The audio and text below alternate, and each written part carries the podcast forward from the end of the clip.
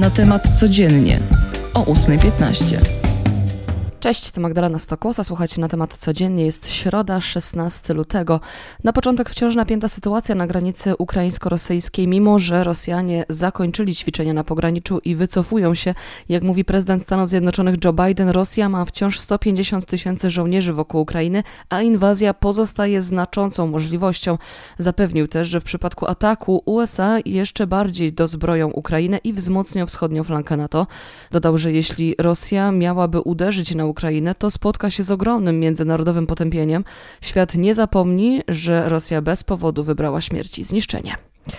A z szacunków prezydenta Ukrainy to właśnie dziś miałoby dojść do agresji ze strony wojsk Putina, dlatego Wołodymyr Zełenski 16 lutego ustanowił Dniem Zjednoczenia Ukraińców.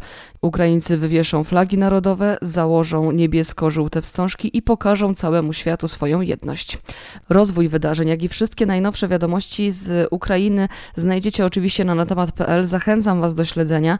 A od północy na terenie Polski obowiązuje stopień alarmowy Alfa CRP. To najniższy stopień dotyczący zagrożenia w cyberprzestrzeni.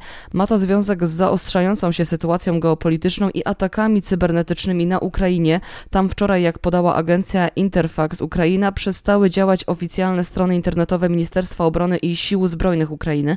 Wprowadzenie tego stopnia jest jednak określane jako prewencyjne. Ma obowiązywać do końca lutego. Pozostając jeszcze przy polityce, dziś ma zostać ogłoszony wyrok Trybunału Sprawiedliwości Unii Europejskiej w sprawie mechanizmu warunkowości pieniądze za praworządność.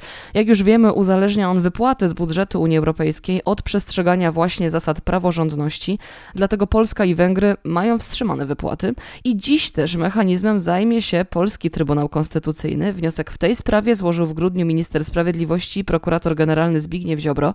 Przypadek nie sądzę.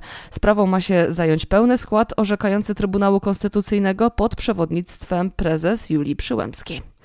Wiecie, że ja uwielbiam wszelkie rekordy, ale ten jeden totalnie nieszczególnie, czyli rekord inflacji. Cóż, mamy kolejny. Jak podał Główny Urząd Statystyczny, 9,2%. O tyle w styczniu w porównaniu z analogicznym miesiącem rok temu wzrosły ceny towarów i usług. Najbardziej podrożał transport o 17,5% i mieszkania o 12%, a w stosunku do grudnia ceny towarów i usług wzrosły o niespełna 2%. Pozostając przy tematach ekonomicznych, to w Belgii pilotażowo na razie na pół roku wprowadzono wprowadzono czterodniowy tydzień pracy. Pracownik może więc zażądać od pracodawcy trzydniowego weekendu, a po sześciu miesiącach zdecydować, czy mu ten nowy system odpowiada, czy wraca do pracy e, pięć dni w tygodniu. Ale to też nie jest tak, że ekstra dzień nic nie kosztuje, bo w cztery dni trzeba zrobić pracę no, pięciu dni, czyli wyrobić 38 godzin. Oznacza to, że dniówka u Belgów wydłuży się do 9 godzin i 30 minut. Podobne rozwiązanie ma być również testowane w Hiszpanii, gdzie tydzień pracy ma być skrócony skrócony do 32 dni. Teraz informacja z Ministerstwa Zdrowia. Przekroczyliśmy liczbę 22 milionów pełni zaszczepionych osób w Polsce. To nam daje 58% ogółu mieszkańców. Dawkę przypominającą przeciw koronawirusowi przyjęło ponad 10 milionów 700 tysięcy Polaków. Niestety to nadal nie jest imponujący wynik w porównaniu z innymi krajami, no ale trzeba się cieszyć tym, co mamy. ale może też ja jestem zbyt surowa. Jest lepiej niż na przykład na Filipinach czy w Bangladeszu. Poniedziałek to u nas zawsze pogodowe zapowiedzi, ale nie mogę Was nie ostrzec jeszcze raz przed tym, co ma się wydarzyć w najbliższym czasie, bo nadciąga niż Dudley, który przyniesie bardzo zmienną i dynamiczną aurę. Możemy spodziewać się deszczu i porywistego wiatru, który na wybrzeżu osiągnie nawet 110 km na godzinę, a na Bałtyku prognozowany jest sztorm. Tak więc jeśli schowaliście już czapki, no to niestety jeszcze nam się przydadzą. Na koniec świat sztuki i Francja. Tamtejszy senat przyjął ustawę o zwrocie 15 dzieł sztuki spadkobiercom żydowskich rodzin ograbionych przez nazistów. Wśród prac znalazły się takie perełki jak Róże wśród drzew Gustawa Klimta czy Ojciec Marka Chagala.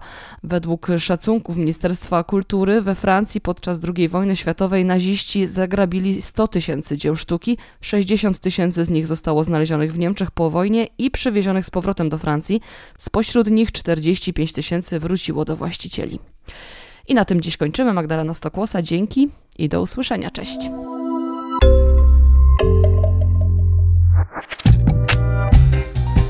Na temat codziennie o 8.15.